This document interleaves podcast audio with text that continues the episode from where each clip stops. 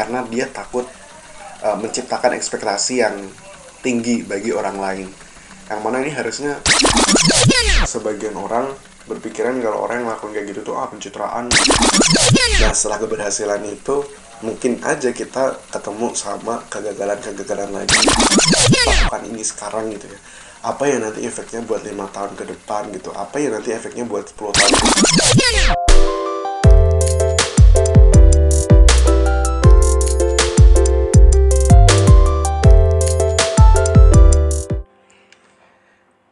seneng banget balik lagi di podcast eskalasi bareng aku Rizky Lukman. Ih, tau gak sih, aku tuh pengen tau gak, pengen punya sebutan buat listener gitu yang udah setia sih, anjay setia. Gitu gue mau dengerin podcast aku yang masih banyak evaluasi ini gitu. Pengen punya sebutan buat mereka gitu, misal kayak ini nih, aku tahu podcastnya Fitrop tuh biasanya kan ada sebutan kayak sobat podcast, terus apa gitu ya. Terus tuh aku kan kepikiran ya bikin sebutan tuh kayak podcast eskalasi sebutan listernya apa ya terus nyeletuk gitu eskalator apa ya gitu eskalator gitu. Terus baru, baru ingat eskalator tuh bukannya yang tangga naik itu ya yang di mall-mall gitu. Jadi kayak apa sih? gitu. Ih garing deh. Anjay. Maksudnya pengen gitu. Ya udah deh kalau kalian punya sebutan ngomong aja gitu ya. Welcome. Apaan sih? Gitu. Oke lanjut. Canda welcome. Jadi oke okay, udah lama ya sudah aku rilis podcast terbaru uh, soal eskalasi. Eh podcast terbaru eskalasi soal bullying yang mana waktu itu aku menghadirkan uh, komikus dari program campaign yang sama. Uh, jadi akhir ini memang banyak banget kesibukan kuliah yang cukup nguras waktu dan pikiran dan tenaga. Jadi harusnya kalau aku stres bikin podcast sih? Cuman waktu itu ah tar dulu deh tar dulu deh. Karena emang mungkin ya lagi membangun hasrat untuk konsistensi sekarang ini untuk dan ke depannya. Doain aja gitu. Um, nah kali ini aku mau monolog jadi nggak ngundang siapa-siapa karena ini mumpung situasinya mendukung banget nih langit sekarang Senin jam uh, eh, 8.45 nih cerah banget biru warnanya dan nggak panas juga jadi mendukung buat bermonolog dan ngobrol sama diri sendiri. Syukur jadi ada konten gitu anjay. Jadi gini um, kalian pasti pernah denger kan nama nama game namanya Among Us yang astronot astronot gitu dan beberapa waktu yang lalu aku emang sering banget main itu gitu ya di kala yang lain main Mobile Legend gitu kan. Aku belum debut nih di Mobile Legend gitu. Masih seneng ikut game yang simpel-simpel gitu kayak Among Us dan lain-lain. Nah di game Among Us itu kalian pasti pernah denger dan uh, yang sempet uh, viral juga istilahnya soal impostor. Jadi impostor itu kalau di game itu kan dia yang uh, membunuh uh, astronot lain terus dia juga membohongi maksudnya saling memfitnah gitu. Oh bukan aku impostornya gitu-gitu kan. Pokoknya berbohong lah gitu. Berbohong kalau dialah yang membunuh gitu. Nah terus aku juga sempat lihat gitu kan live-nya uh, study tuber favoritku. Jadi dia sempat mention soal impostor syndrome gitu. Impostor syndrome gitu. Aku awalnya mikirnya apa nih gitu sindrom yang berhasrat untuk membunuh kah gitu kan. Aku pikir gitu ya kayak hampir sama kayak psikopat gitu. Tapi kok setelah dia jelasin lagi dan aku juga mikir dia seorang study tuber tapi ngomongnya soal yang bunuh-bunuhan impostor gitu. Kenapa gitu? Harus aku mikir lagi dan nanya bukan nanya sih lihat lagi live-nya lebih lanjut. Gitu ternyata soal impostor syndrome itu adalah penyemu jadi emang kalau aku lihat browsing gitu ya impostor syndrome itu adalah sindrom penyemu artinya yang membohongi apa ya namanya? Membohongi diri sendiri gitu gak sih? Artinya bukan. Ada hasrat dan di mana dia uh, takut membohongi orang lain atas pencapaiannya itu. Kurang lebih kayak gitu. Jadi misal nih uh, uh, kalian punya pencapaian nih punya pencapaian ini atau itu. Terus tapi kalian nggak ketika dipuji atau di diapresiasi soal itu tuh kalian ngerasa bahwasannya oh enggak itu tuh cuma keberuntunganku aja kok gitu. Bukan karena usahaku gitu. Ada suara motor ya sorry maklum kos kosan gitu. Jadi oke. Okay. jadi ada hasrat atau buk ada pemikiran bahwa apa yang sudah kita capai selama ini tuh bukan murni hasil kerja keras dan pemikiran kita gitu. Tapi merupakan hasil keberuntungan dan privilege lain dan itu yang dimaksud dia adalah impostor syndrome. Dan dan ini yang yang mana ini jadi masalah dari bagi beberapa orang. Termasuk aku sendiri kadang. Kadang tuh ya kalian ngerasa gak sih kalau kalian belajar atau gini lah simpelnya kalian mau belajar nih mau uas terus belajar gitu kan. Nah uh, belajar di maksudnya belajar di kelas terus dilihat sama orang. Ngerasa kayak khawatir kalau orang lain tuh ngiranya aku pintar khawatir orang lain ngiranya aku rajin aku sempurna gitu. Itu tuh yang biasanya uh, personally aku alamin gitu. Padahal sebenarnya semuanya sama aja. Dan itu yang jadi penghalang kita untuk berkembang menurut aku dan menurut study tuber itu. Impostor syndrome yang awalnya bikin seseorang itu takut untuk mengembangkan diri karena dia takut uh, menciptakan ekspektasi yang tinggi bagi orang lain. Yang mana ini harusnya kita hindari ya. Maksudnya nggak perlu memperdulikan ekspektasi orang lain terhadap kita yang penting kita puas sama apa yang sudah kita usahakan sendiri. Dan itu itu yang yang aku rasain juga dan memang sering sih aku alamin itu dan aku melihat sebagian orang juga dari perilakunya sepertinya mengalami hal ini juga. Gitu ya sumpah suasananya mendukung banget nih buat cerita nih. Awan-awan lewat warna putih gitu kan. Terus backgroundnya biru langit ini aku kamar madep jendela. Oke btw nanti untuk apa namanya buat cover artnya podcast ini mungkin aku kasih lihat suasananya kali ya. Anjay. Gitu. Jadi itu soal impostor syndrome itu yang memang aku rasa buat aku sendiri jadi masalah buat berkembang. Kadang ngerasa takut bikin ekspektasi yang tinggi buat orang lain. Jadi tuh orang yang ngerasa uh, jadi ngalamin impostor syndrome tuh ngerasa kalau khawatir kalau dia membohongi orang lain soal apa yang sekarang dia lakukan gitu. Kayak lagi contoh soal kita bikin uh, ngepost postingan atau caption seputar motivasi atau apa gitu ya. Yang tujuannya mungkin bagi yang pengupload itu pengen memotivasi diri sendiri gitu. Salah satunya adalah ngeposting itu.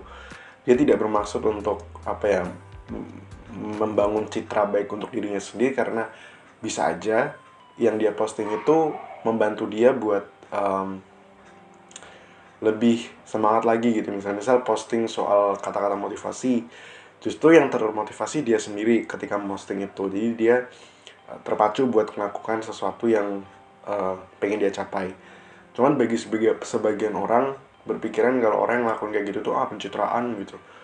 So ini lu apa so ini ngelaku apa so pinter deh gitu. So so paling inilah gitu khawat jadi yang yang mengalami impostor syndrome tuh ngerasa kalau oh, kayaknya nggak usah gini deh gitu. Khawatir dikatain orang dikiranya kita paling pinter dikiranya kita paling pinter jago ini jago itu gitu. Padahal sebenarnya ya itu ya itu tadi kita nggak perlu mikirin ekspektasi orang lain soal ini dan itu. Yang penting kita nyaman. Be you be true. Jadi jujur aja dan terus terang kalau emang kita seperti ini ya seperti ini. Itu tidak perlu berubah karena orang lain dan ekspektasi orang lain juga. Dan itu yang kadang ya itu yang jadi masalah bagi sebagian orang buat melangkah selangkah lebih maju atau gimana gitu itu sih. Makanya impostor syndrome uh, bilangnya membohongi khawatir membohongi orang lain gitu soal apa yang dia lakukan. Khawatirnya orang salah paham atau gimana gitu. Ini ini penjelasan menurut versi aku yang aku tangkap dari beberapa artikel dan juga penjelasan dari study tab, study tuber yang aku lihat live-nya itu. Dan memang aku ngerasa relate soal itu sih selama ini. Gitu deh nah terus jadi makin makin ke sini tuh aku juga makin paham gitu bahwasannya soal ekspektasi itu um, kita nggak bisa kontrol ekspektasi orang bakalan ini atau bakalan kayak gitu. Dan dan iya lebih baik fokus dengan apa yang bisa kita kontrol. Kayak ya kalian mau ngembangin diri di ranah yang mana nih lakuin aja gitu. Apa apa pun hal yang uh, pengen uh, kalian coba pengen kita coba coba aja gitu. Nggak peduli nanti gagal atau berhasil um, karena se, se, beberapa tahun ini tuh aku percaya bahwa setiap orang tuh punya jatah gagal masing-masing. Ini nggak tahu istilah ini benar atau enggak tapi persepsi aku memandang ini cukup apa namanya supporting gitu. Setiap orang punya jatah gagal masing-masing. Artinya jadi aku mikir oh berarti aku harus banyak mencoba gitu ya supaya jatah gagalku habis. Kalau jatah gagalku habis artinya kan berarti aku menemui sebuah keberhasilan. Nah setelah keberhasilan itu mungkin aja kita ketemu sama kegagalan-kegagalan lagi buat sampai uh, ke pencapaian lagi. Kurang lebih kayak gitu. Dan ini aku terapkan dari sejak SMA gitu kan. Iya dari SMA aku tuh ini menanamkan buat kayak gitu gitu. Kadang olimpiade gitu ya olimpiade apa-apa gitu. Itu pengen nyoba aja gitu jadi peserta. Karena memang goalsnya bukan jadi bukan jadi yang nomor satu. Itu tuh udah udah apa ya kayak impossible deh gitu. Karena kan aku basicnya juga bukan dari anak olim gitu bukan bukan apa ya di di sekolahan biasanya ada eskul tuh buat yang yang rajin-rajin atau yang pinter-pinter tuh yang emang fokusnya ada di olim. Memang dia mengembangkan diri buat olim. Nah aku nggak ikut itu gitu. Jadi iya kayak um, kayaknya mustahil gitu. Aku mikirnya gitu realistis gitu kan. Terus aku ngajak temanku yuk ikut yuk gitu. Kadang juga ya udah deh nggak apa-apa aku bantu bayarin buat biaya pendaftaran tapi ikut gabung gitu. At least bisa ngebuka peluang dikit at least masuk berapa besar gitu kan. Tapi sejauh banyak aku mencoba nggak juga. Pol-polan jadi peserta aja gitu. Ada tuh cerita aku sampai ikut olimpiade kedokteran gitu kan. Karena dulu kan pengen dari orang tua kan pengen aku masuk ke kesehatan. Jadi pengen nyoba-nyoba aja ke olimpiade kedokteran. Terus olimpiade kedokteran di UIN Malang. Aku tuh sampai sempet uh, emang maksudnya sampai tidur di masjidnya sana gitu. Maksudnya pergi ke Malang dan ini karena mungkin niatnya lebih ke jalan-jalan ya Wak. Jadi emang gak fokus ke olim gitu. Tapi tetap kita niatin buat belajar gitu. Aku sih sendiri tetap niatin buat belajar. Tapi ya udah at least pengalaman. Dan uh, ngabisin data gagal itu yang penting. Aku mikirnya nggak apa-apa. Ini namanya percobaan ini namanya salah satu ikhtiar dan juga proses. Jadi ngabisin jatah gagal aku dengan ikut ini merupakan ngabisin jatah gagalku gitu. Sampai um, uh, ketemu satu pencapaian gitu kan. Nggak perlu aku sebutin. Gitu gitu dan itu sedang banget dan nagih gitu. Nagih buat banyak mencoba hal baru dan um, yang kita suka. Gitu gitu nah soal impostor syndrome ini kalau aja dari awal mungkin dari dari MTS aku nih nggak nggak impostor syndrome syndrome banget. Karena udah MTS tuh impostor banget tuh.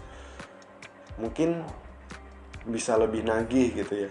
Sampai sekarang pun apa namanya hasilnya bisa aku nikmati sekarang karena kan aku juga mikir aku kadang juga mikir nih kalau aku kalau aku aku lakukan ini sekarang gitu ya apa ya nanti efeknya buat lima tahun ke depan gitu? Apa ya nanti efeknya buat 10 tahun ke depan aku gitu? Misal nih uh, mungkin sekarang lagi lagi lagi apa ya lagi happening buat invest gitu kan anak muda investasi gitu ya. Terus berarti kan kita mikir gitu kan oh berarti tujuan finansialku ke depannya berefek bakal berefek kayak gimana ya gitu gitu loh kayak nggak usah ngomongin invest deh ngomongin soal kalau aku ikut um, misal ikut internship ini nanti beberapa tahun ke depan impactnya buat aku apa ya gitu. Soalnya uh, dari kalau kita flashback nih lima tahun ke belakang deh atau 10 tahun ke belakang deh. Lima um, tahun ke belakang tuh kemarin aku ngapain aja ya kok sekarang aku udah sampai di titik ini gitu. Artinya ya proses itu yang yang yang membantu kita buat uh, apa namanya upgrading gitu. Eh btw ini kok jadi ke sini ya bahasannya? Tapi ini aku juga bingung. Saking mendukungnya suasana jadi ke mana-mana. Tapi ya itu sih balik lagi soal impostor syndrome. Kalau kalian ngerasa kalau hmm, khawatir ekspektasi orang bakalan mengganggu kalian ya jangan pedulikan gitu. Jangan ke, terlalu dipikirin soal sesuatu yang tidak bisa kita kontrol. Jadi yang bisa kita kontrol adalah emosi dan uh, apa yang ada dalam diri kita gitu. Si berat banget sih bahasanya. Maksudnya ya ya gitu deh. Aku aku nggak tahu nih ini bakalan impactful apa enggak ya. Karena tuh bikin podcast tuh gini tuh uh, kayak ada pressure gitu buat harus ada sesuatu yang pesan yang pengen disampaikan. Intinya kayak gitu sih. Makasih banget buat yang udah dengerin omong kosong ini gitu. Anjay omong kosong. Maksudnya um, ya. Yaudah deh gitu aja. Terima kasih buat uh, teman-teman yang sudah sampai sini dengerinnya. I appreciate for your kindness. I love you so much Terima kasih sudah dengerin. Kalau kalian punya sebutan buat listener eskalasi, boleh kali langsung DM Anjay di Rizky LS underscore atau uh, eh, WA aku kalau kalian punya nomor WA aku. Udah sih, terima kasih. Saling mengeskalasi.